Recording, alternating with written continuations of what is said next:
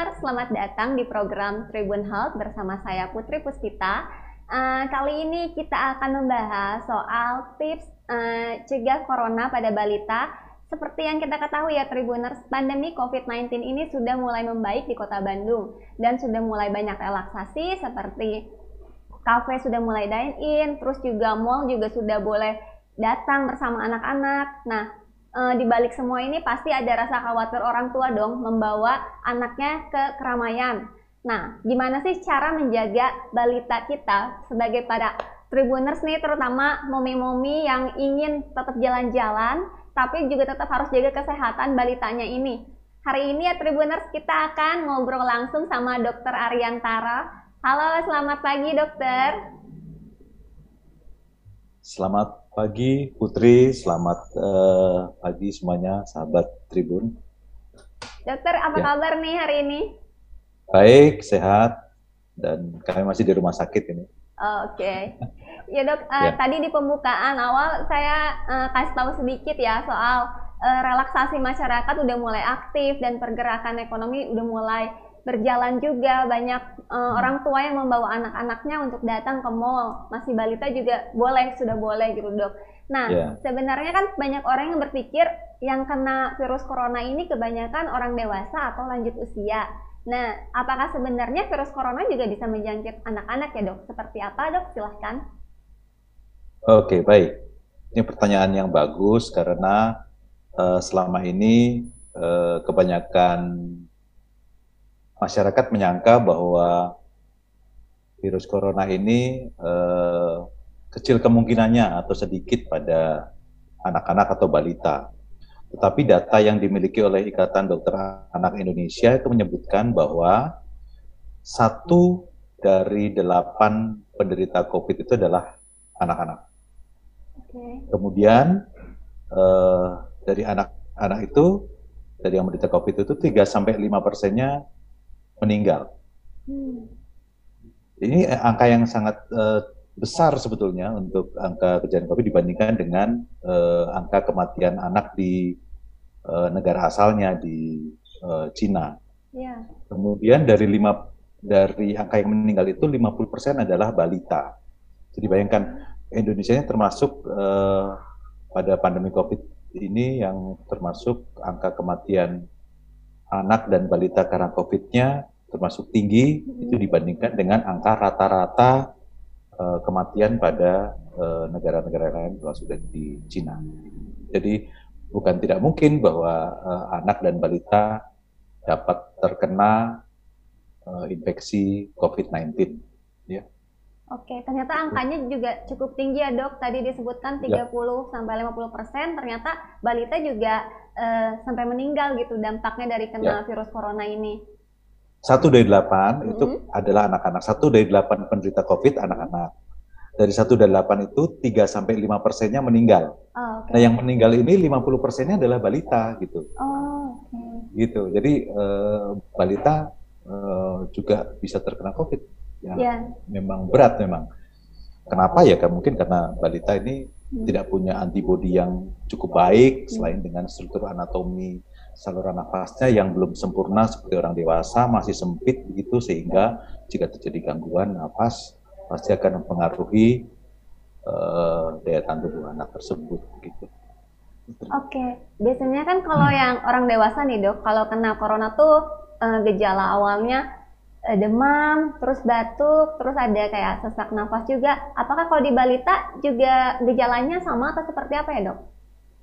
Ya, uh, secara umum gejala COVID itu kan bisa kita bagi dua, yaitu gejala pada uh, sistemik. Sistemik itu uh, gejala umum yang yang biasa kita kenal seperti demam gitu ya. Kemudian kalau pada anak itu kan tidak bisa mengeluh pusing atau nyeri kepala biasanya rewel biasanya kalau anak-anak kan rewel gitu ya yeah. kalau orang tua bisa mengeluh nyeri otot dan sebagainya pusing bisa bilang anak-anak kan nggak bisa bilang begitu mm. nafsu makan berkurang kalau pada anak balita mungkin nggak mau nyusu atau menyusunya berkurang itu gejala sistemik yang uh, sering kali muncul. Dan ada gejala yang lain yaitu diare.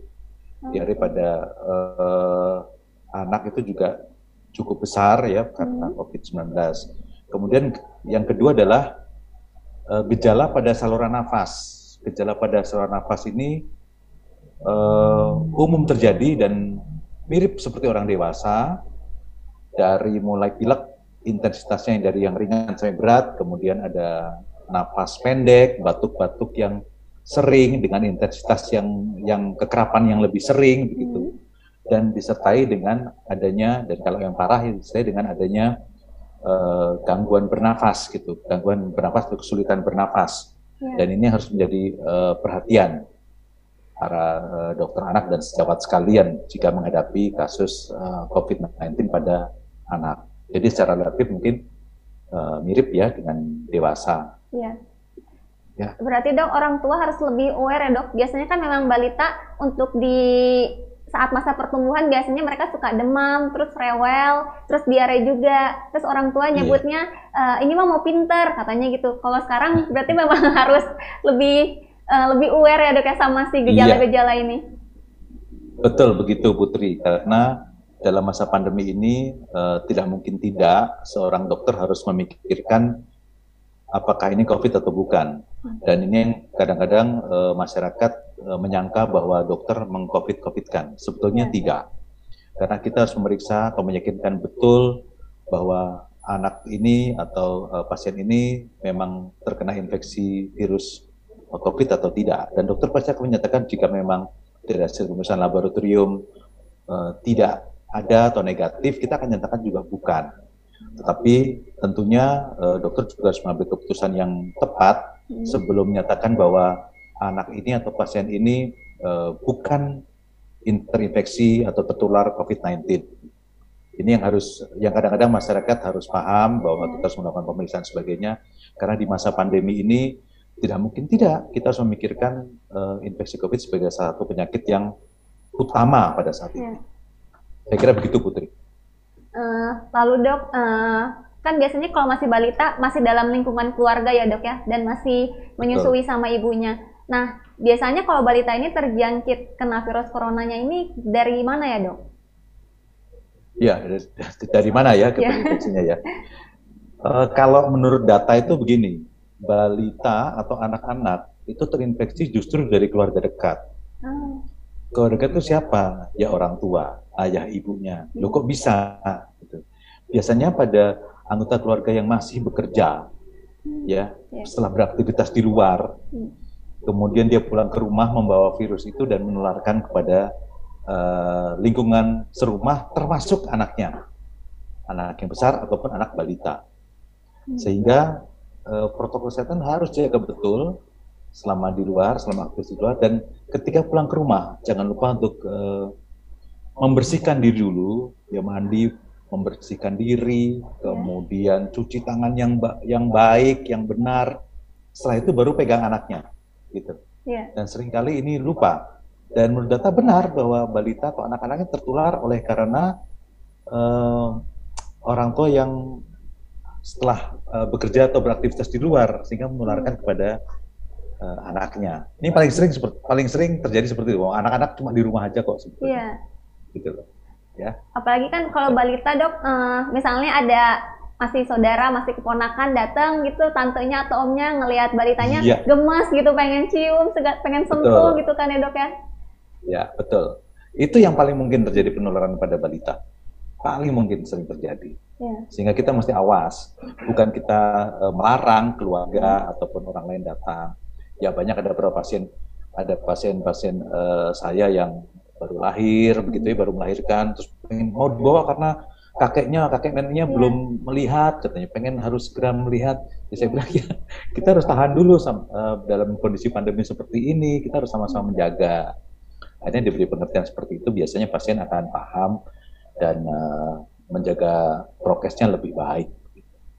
Gitu Nah, ya Tribuners, jadi untuk para kakek, nenek, om, dan tantenya pasti memang paling nggak sabar ya ya ketemu sama balita ini pasti pengennya gemas, pengen peluk, pengen cium, tapi untuk di masa pandemi ini tolong ditahan dulu untuk pengen ya. pegang-pegang bayinya karena uh, meskipun keadaan sudah membaik, tapi tetap masih harus menjaga protokol kesehatan ya dok.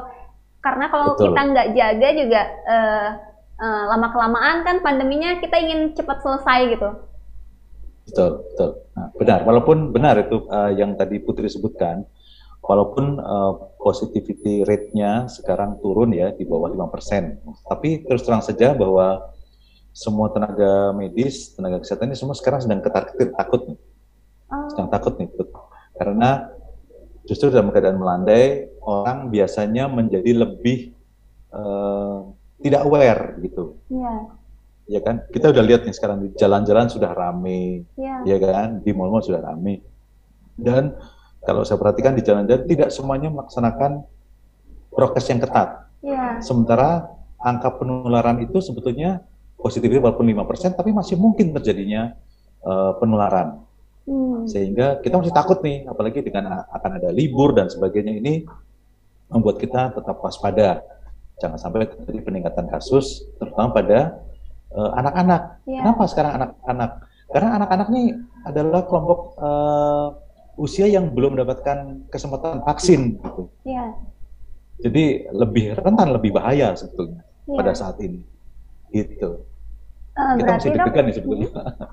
Nah, sebagai orang tua kan sekarang tempat wisata sudah mulai boleh dibuka, uh, mall juga udah boleh dibuka. Uh, mereka kan yeah. kayak, oh udah lama nih nggak liburan sama keluarga, ingin menyenangkan yeah. hati keluarganya yeah. dan anak-anaknya. nah, sebagai orang tua yeah. harusnya uh, protokol kesehatan seperti apa sih dok yang harus di, dilakukan gitu ketika berlibur? Ketika berlibur, ya uh, yang pertama adalah bahwa jelas orang orang tua yang yang membawa anaknya tersebut tetap harus sudah mendapatkan vaksin, harus pastikan sudah mendapatkan vaksinasi ah. COVID-19. Dan kalau ada anak yang sudah berusia di atas 12 tahun, pastikan juga sudah mendapatkan vaksin uh, vaksin COVID ya. Kalau yang di bawah uh, itu yang masih belum belum mendapatkan belum mendapatkan kesempatan untuk vaksinasi karena yang belum ada begitu ya hmm. ya tentunya harus dengan tetap menjaga protokol kesehatan memakai masker dan sebagainya dulu pada saat awal-awal pandemi awal sekali pandemi yeah. uh, pasien-pasien datang ke poliklinik uh, anak itu biasanya sulit untuk untuk kita melihat anak-anak memakai masker yeah. tetapi uh, akhir-akhir ini begitu setelah pandemi yang gelombang yang kedua kemarin ya hmm sudah sangat banyak kok, cukup banyak bahkan hampir rata-rata semua anak yang datang ke pusat pelayanan kesehatan itu mereka sudah memakai masker dengan baik. Kan ada sekarang ukuran masker anak-anak sehingga uh, itu sangat membantu, sangat hmm. membantu untuk uh, menahan terjadinya transmisi atau penyebaran kuman penyakit uh, eh, COVID-19. Hmm. Tetap harus pakai masker dan diajarkan anak cuci tangan, enam langkah seperti yang diajarkan oleh uh, WHO. Hmm. Bukan hanya sekedar mencuci tangan maksud saya, tapi mencuci tangan enam langkah. Cuci, ta cuci telapak tangannya dulu, ya. kemudian mencuci punggung tangan, ya, hmm. kemudian uh, sela-sela jari, hmm. kemudian uh, mengunci, kemudian jempol, oh. lalu uh, ujung-ujung kuku, ujung-ujung jari itu. Dan itu harus harus dibiasakan anak-anak untuk berlatih enam uh, langkah cara mencuci tangan yang benar, minimal 20 detik. Nah. Kalau kita sudah biasa membiasakan itu, hmm. Uh, kemungkinan terjadinya transmisi penularan itu akan diminimalisir, bukan berarti tidak bisa sama sekali. Begitu. Begitu, nah. Iya, uh, Tribunars ya. Jadi ketika liburan jangan cuma pas liburannya senang, tapi pas pulang malah tahunya malah terkena COVID gitu ya. Jadi ya. ketika liburan tetap aja harus anak-anaknya kan pasti main, tapi tetap harus pakai masker, uh, lalu cuci tangan, itu tetap harus uh, ditekankan terus ya sama anak-anak, terutama ya. mamahnya nih harus kasih tahu sama anak-anaknya. Uh, oh ya juga dok, uh, sekarang kan udah mulai ramai juga nih dok, uh, orang, eh, oh ini kan gini dok, uh, orang tua ini uh, biasanya anak kan uh, menyusui dari ibunya. Nah, apakah ketika jika si mamahnya terkena COVID, nanti si keadaan bayinya harus seperti bagaimana ya dok?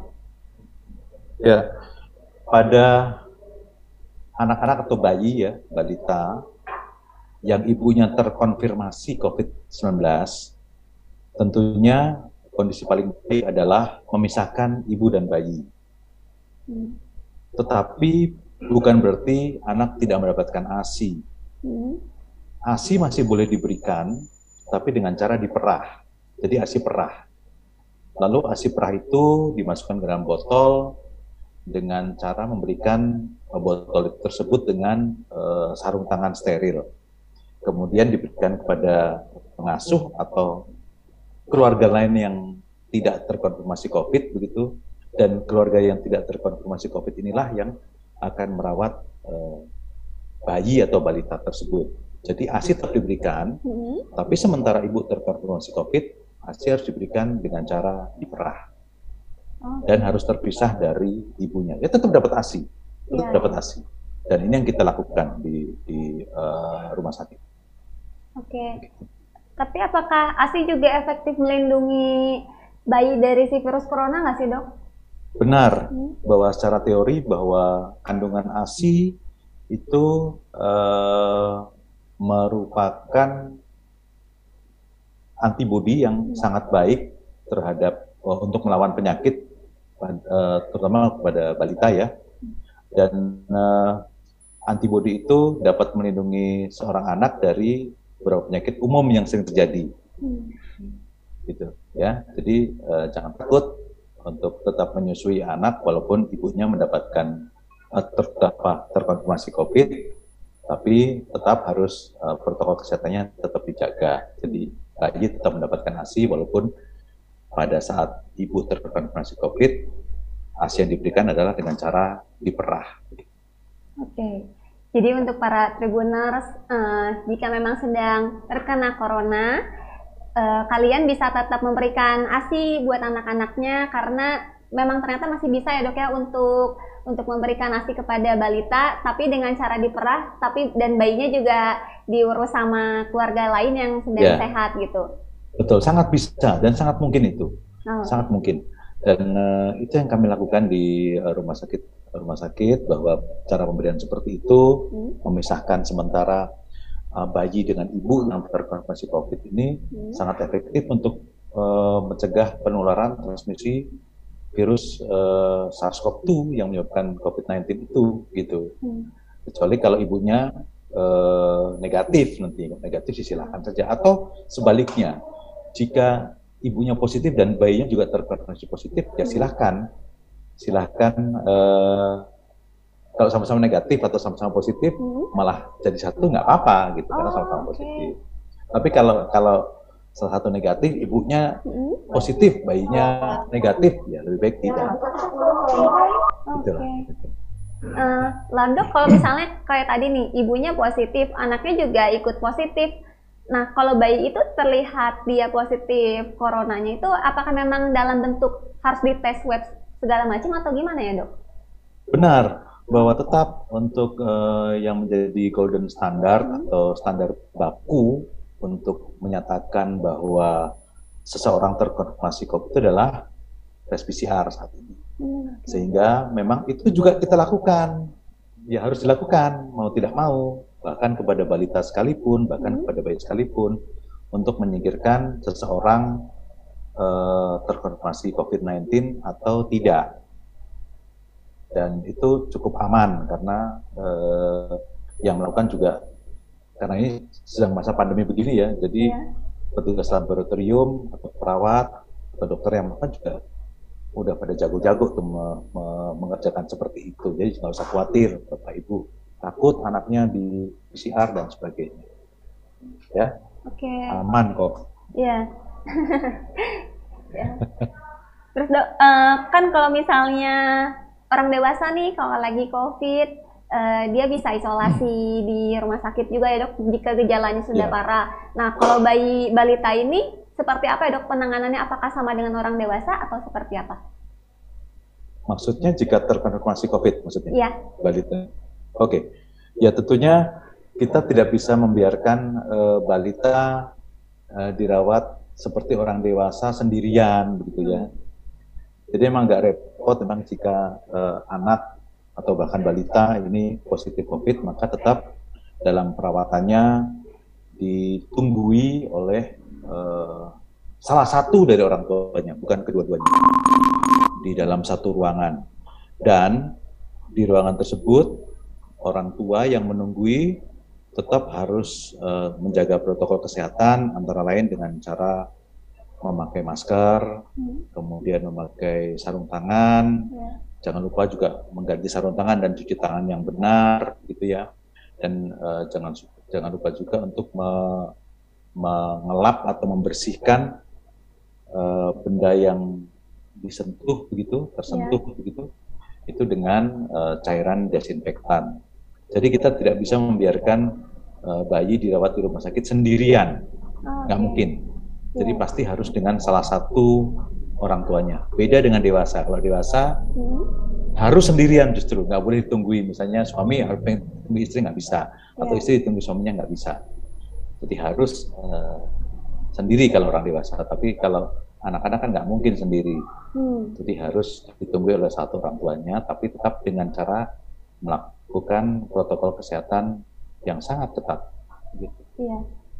Ya, eh, Tribuners pasti banyak orang tua yang khawatir ketika anak-anaknya mulai terasa demam atau batuk. Karena kan kalau masih balita mereka sulit untuk mengekspresikan apa yang mereka rasakan gitu. Kalau orang tua eh, dan orang dewasa tuh udah jelas ketika sakit, tahu nih di daerah mana yang sakit. Kalau anak kan yeah. belum belum bisa gitu merasakan di daerah mana, mereka merasa nggak enak badan. Eh, jadi harus tetap jaga protokol kesehatan, terutama ketika bepergian ke, keluar rumah dan juga uh, tadi dok, kalau misalnya orang tua nih uh, anaknya anaknya uh, sedang tidak enak badan gitu dok, uh, si balita ini. Lalu kan kalau misalnya bayi itu masih atau balita kan udah mulai makan makanan yang apa tuh? Uh, makan nasi yang masih dicampur-campur gitu ya dok ya. Yeah. Nah kalau misalnya balita itu kalau lagi kena virus corona uh, makanan seperti apa sih dok yang harus dikonsumsi? Oke, okay. kalau uh, tentang intake atau makanan tentunya makanan-makanan yang uh, bergizi, makanan-makanan uh, yang kaya protein itu tetap harus dikonsumsi ya. Selain itu jangan lupa juga mengkonsumsi uh, mikronutrien, mikronutrien berupa vitamin-vitamin. Ada vitamin uh, C, vitamin D, vitamin E dan vitamin zinc itu tetap harus dikonsumsi oleh eh, anak-anak uh, untuk mencegah atau mengurangi uh, keparahan dari infeksi COVID. Dan orang yang memberikan makanan, ya penting, orang yang memberikan makanan, hmm. kan anak-anak kan nggak bisa tuh biasanya makan sendiri. Orang yang memberikan makanan yang tidak tertular uh, COVID harus memberikan makanan dengan cara melindungi diri gitu. Jangan sampai nanti dia terkena infeksi dari anak tersebut. Yeah. Pakai masker jangan lupa yeah. ya. Kemudian uh, kalau bisa sarung memakai sarung tangan, begitu kemudian sarung tangan dibuang. Lalu uh, jangan lupa untuk membersihkan peralatan makan yang uh, dipakai di air yang mengalir dan memakai uh, sabun atau cairan desinfektan untuk menghilangkan uh, virus atau kuman yang menempel di benda atau alat makan yang disentuh oleh seseorang yang terkena infeksi virus uh, COVID-19. Oke. Okay. Begitu. Kalau untuk bayi bisa ini nggak sih dok di mix misalnya uh, si nasinya dicampur pakai jahe atau apa gitu dok? Bahan-bahan herbal gitu? Iya, kalau uh, anak di atas umur satu tahun sudah bisa kita lakukan itu. Yang repot kan kalau di bawah satu tahun. Hmm. Karena biasanya belum bisa uh, dicobakan nasi ya. Semakin muda uh, umur seseorang ya tentunya makanan harus semakin lunak atau semakin lembut.